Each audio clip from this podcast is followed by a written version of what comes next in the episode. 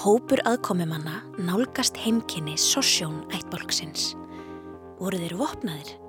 Voru þeir komnir til að ráðast á þau? Þyrtu þau að undirbúa sig undir bardaga? Hópurinn nálgast, en hvað var þetta?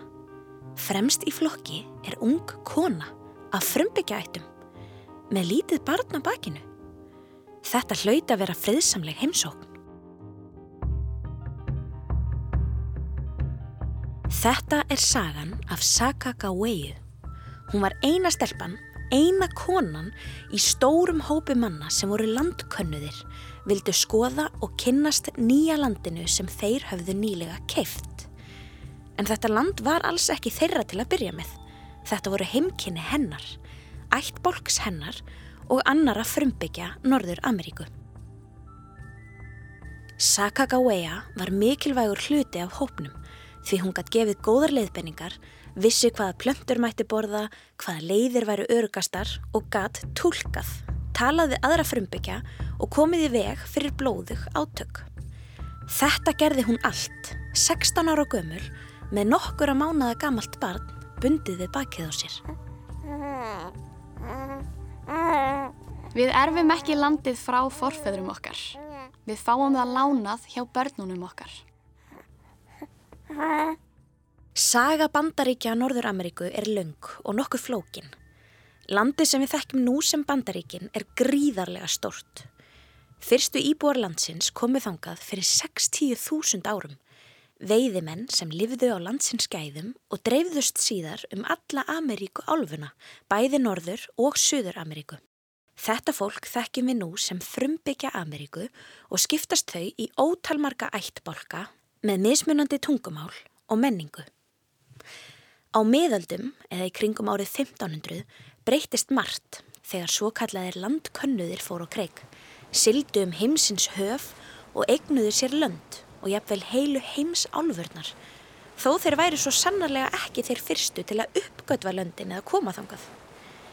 Einn frægasti landkönnuðurinn var Kristófer Kolumbus sem var ítalskur. Hann leitti leiðangra spánverja frá Evrópu til Ameríku og flutti tilbaka fréttir um ósnortna náttúru og risastór lönd sem byðu þess að Evrópumenn tækju þar yfir. Hann kallaði þetta nýja heiminn. Mikil spenningur myndaðist fyrir nýja heiminum og fleiri lögðu leið sína yfir hafið til að skoða, egna sér og græða á honum. Þar átt að vera allt fullt af gulli, grænum skóum og fallegu landslægi. Sá sem egnar sér land og sest þar að kallast landnemi. Þessi innrás Evrópumanna í Ameríku hafði slæm áhrif á marga ættbálka frumbyggja en það var í sumum tilfellum verið að ráðast inn á þeirra heimkynni. Sumir ættbálkar þurfti að verja sig og heimkynni sín gegn innrás landnema í orustum og margir létust. Aðrir voru hneftir í þrældóm og margir dóu úr nýjum smittsjúkdómum sem landkönnuðir báru með sér yfir hafið. Aðrir áttu í vinsamlegum samskiptum og grættu á vöruskiptum við hinn að framandi aðkomumenn. Fleiri Evrópulönd fylgdu eftir spánverjum og eignuðu sér stór landsvæði bæði í Norður og Suður Ameríku, þar á meðal frakkar, englendingar og hollendingar. Næstu hundruð ár eftir það skiptust landsvæðin niður í nýlendur sem þróuðu sína eigin menningu, hagkerfi og sjálfstjórn að einhverju leiti þó margar þeirra væru enn undir stjórn yfirvalda í Evrópulöndunum sem þau tilheyrðu. Þetta leiti til sjálfstæðisbaráttu, frelsi stríðs bandaríkjana eins og það er kallað, sem í stuttumáli leiti til þess að bandaríkin voru stopnið. Sjálfstæði var líst yfir árið 1776 og stjórnarskrá samþygt árið 1789. Stjórnarskrá eru æðstu lög landsins. Hinn nýstopnuðu bandaríki höfðu samt ekki næstum því jafn stórt landsvæði til yfirráða eins og nú á dögum. Frakkar áttu stórt svæði sem kallaðist Louisiana yfirráðasvæðið og árið 1803 sá nýr fórseti bandaríkjana, Thomas Jefferson, til þess að það landsvæði erði keift af frökkum. Öllum að óvörum samþyktu þeir það, kaupin gengu í gegn og bandaríkin voru nú allt í einu orðin tvöfalt stærri en þau voru áður. Allt þetta nýja landsvæði var ókannað fyrir hinnum nýju bandarækjumennum. Það þurfti að senda landkönnuði þangað og skrásetja það sem fyrir augum bar. Þannig hófst frægur leiðangur landkönnuðana Meriwether Lewis og William Clark en sá leiðangur gjör breytti lífi hinnar 16 ára Saga Gaweu. Hver var hún? Saga Gawea fættist í kringum árið 1788. Í rauninni vitum við ekki nákvæmlega því ekki er mikið til af heimildum um líf hennar fyrstu árin. Hún fættist inn í Lemhi Sjósjón ættborgin en nafnið þýðir þeir sem borða lags. Það er líklega vegna þess að þau byggu með fram lags ám þar sem í dag er Idaho fylgi. Pappi Sakagaweu var höfðingi ættbálksins en þau byggu í tjöldum og færðu sér reglulega yfir árið til að sapna og veiða sér til matar á mismunandi stöðum eftir ástíðum. Nafnið Sakagawea hefur tvær merkingar eftir því hvernig nafnið er stafsett en heimildum ber reyndar alls ekki saman um hvernig það er gert. Annars vegar þýðir það fugglakona og hins vegar sá eða sú sem dregur bátinn. Það átti vissulega eftir að passa vel við hana síðar meir.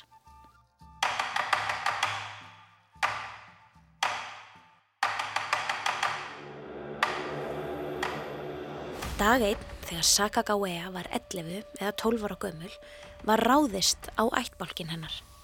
Það var annar ættbálkur frumbyggja sem gerði það. Þau kölluðust Hidatsa fólkið. Hún var handsömuð og tekinn til Hidatsa fólksins sem þræll. Þar var hún í um það byrj eitt ár. Þá kom maður í þorpið til Hidatsa fólksins. Hann hétt Toussaint Charbonneau og var kanadískur loðdýra veiðimaður. Hann keifti Sakagaweu af Hidatsa fólkinu til að giftast henni, þó hann væri nú þegar giftur annari konu úr sama ættbálki og hún. Sakagawea var bara 13 ára gömul og vildi ábyggilega ekki giftast manni sem var 21 ári eldri en hún. Það er ekki vita hvort hún hafi verið neitt í hjónabandið eða hvort hún hafi á endanum ákveðið að það veri betra að vera gift honum heldur hann að halda áfram sem óbreyttur þræll í Hidatsa þorpinu. Hún hlitið að minnstakosti einhvers konar vernd hjá Charbonneau. Þau giftust og nokkrum árum síðar var hún ólétt af þeirra fyrsta barni. Víkur þá aftur sögunni að landkönnuðunum Lewis og Clark. Þeir höfðu verið sendir af stað til að kanna þetta nýkefta land bandaríkjana. Þar byggu margir frumbyggjar, margir ættbolkar sem töluði sitt eigið tungumál og þurft að nálgast af gætni. Þeir höfðu varan á sér gagvart svona aðkomumönnum því reynslan hafði sínt heim að oftast komu þeir ekki í friðsamlegum tilgangi heldur til að berjast við og taka það sem tilheyrði ættbolkunum. Lewis og Clark voru ekki í landnema leiðangri, ætluð ekki að ráðast og eigna sér landsvæði en það var nú þegar búið að kaupa það, heldur bara að ferðast um og skrásetja það sem þeir sáu, finna bestu leiðirnar til að byggja vegi og slíkt. Til þess að geta átt í samskiptum við frumbyggjana var best að hafa tólk meðferðis. Lewis og Clark átti leið í gegnum Hidatsa-þorpin á samt fyldarliðið sínu. Þeir þurftu að fá tólk í sitt lið til að geta leiðbeint þeim í samskiptum við frumbyggja á svæðinu í kringum Missouri ána, en þangað stemdi þeir. Þeir hittu Charbonneau og réðu hann, enda talaði hann frönsku og smá hitatsa tungumál. Þeir voru hins vegar mun spendari þegar þeir komist að því að hann ætti eiginkonur sem væru af sosjón ættbálknum og töluðu tungumálið. Þeir stemdu í áttasvæðunum þar sem sosjón fólkið bjó og þurfti að reyða sig á þeirra þekkingu og viðskipti. Charbonneau samþykti það og flutti með báðar konur sínar í virki Lewis og Clark. Úr dagbók Meriwether Lewis. 11. februar 1805 Um fimmleitið í kvöld fætti önnur eiginkona Charbonneau príðir streng. Það er verðt að minnast á að þetta var fyrsta barn konunar og eins og algengt er í slíkum tilfellum var fæðingin langdregin og sársökafull. Sakagawea fætti barnið í virkinu, 16 ára gömul. Til þess að hjálpa Sakagaweu bjó samferðafólk hennar til seiði úr skröld ormi sem var blandað í smá vatn og hún drakk. Það virtist virka og fæðingin gekk betur eftir það. Sakagawea var einnig færi að búa til alls konar seiði og nýta jörtir til lækninga. Þannig átt hún eftir að hjálpa mörgum veikum landkönnuðum í hópnum á ferðalæginu sem var framundan. Hún þekkti líka allskynns jörtir og rætur sem hægt var að elda og borða.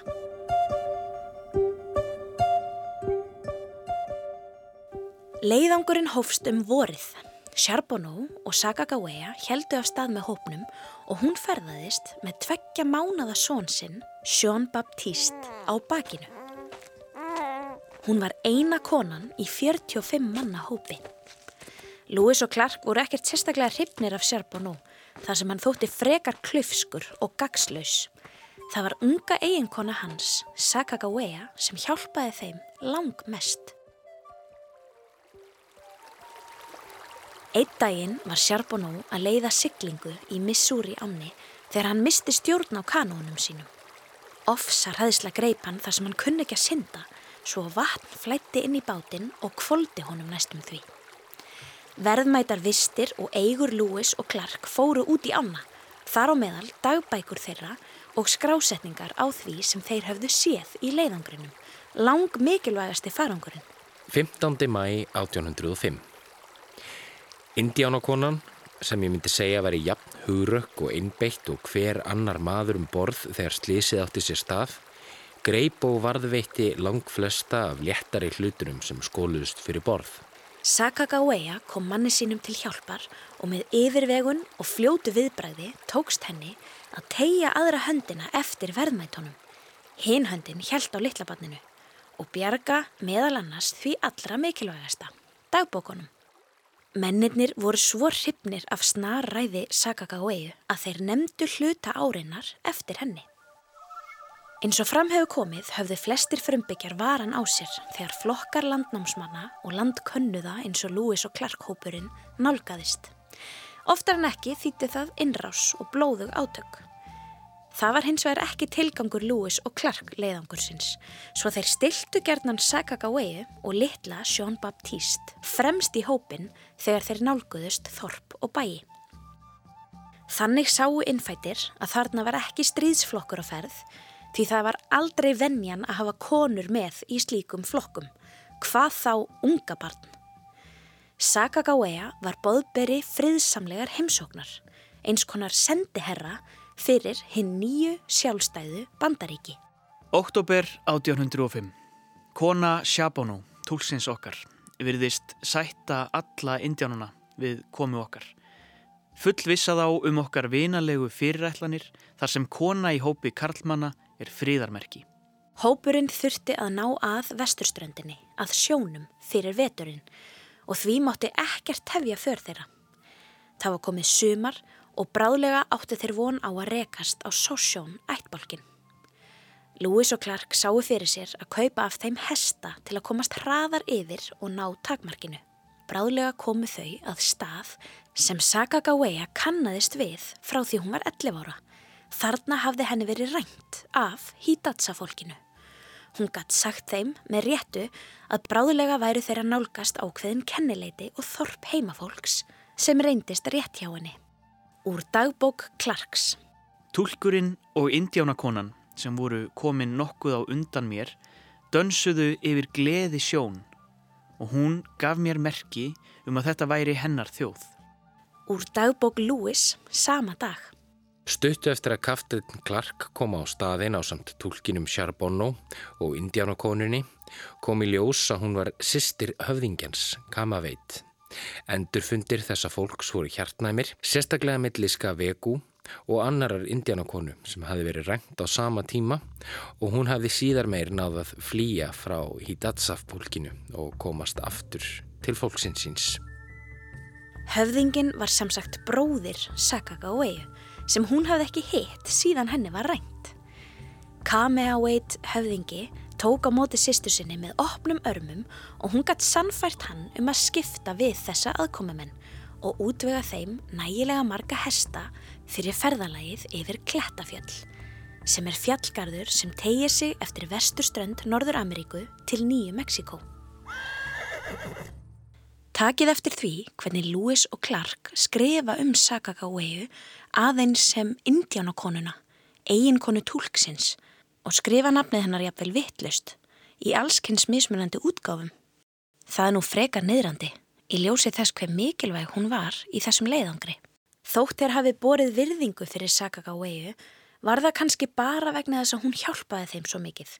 En fordómar flestra landnema, akkvart frumbyggjum Norður Ameríku, voru það miklir að þeir kölluðu þá villimenn, frumstæða, báru þeirra siðmenningu saman við sína eigin og töldu sig miklu betri. Orðið Indiáni var lengi vel notað sem einhvers konar samheiti fyrir frumbyggja Ameríku. Margir vilja ekki nota það orð lengur, þar sem þeim þykir það vera niðrandi og tengjast því hversu illa kvítimaðurinn, aðkomumadurinn, fór með þá.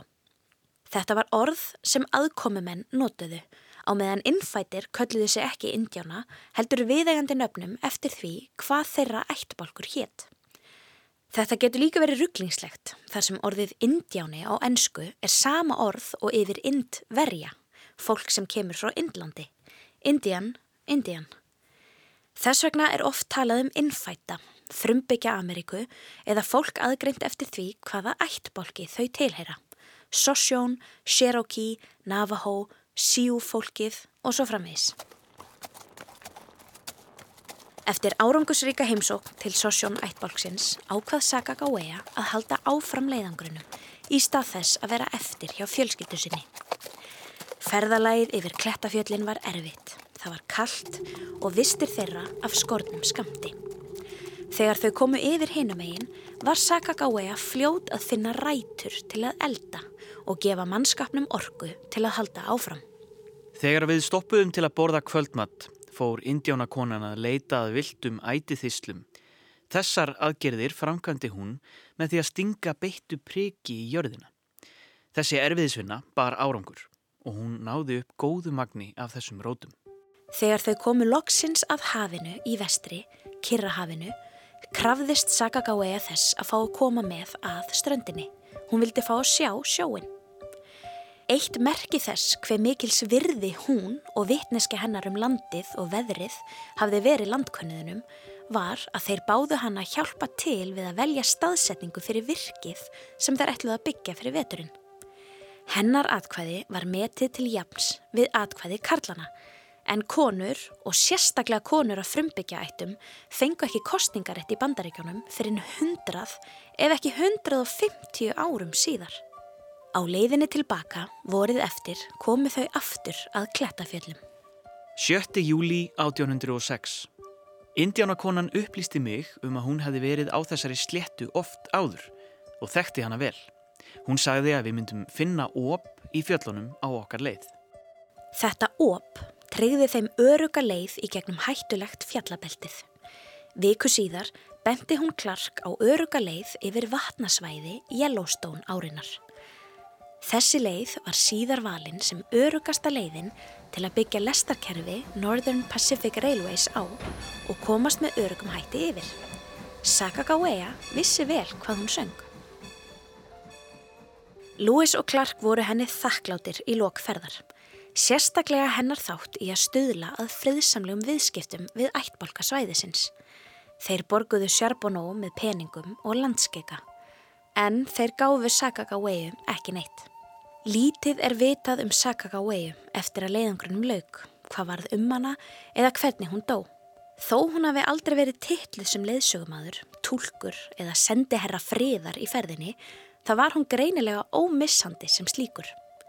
Það hefur þurft gífurlegt hugrekki til að fylgja svona stórum hópi karla í hættu för yfir óblíða náttúru og í allskynns veðrum og það með lítið barn bundið við bakið á sér. Með tímanum hefur Sakagawea orðið eins konar góðsögn.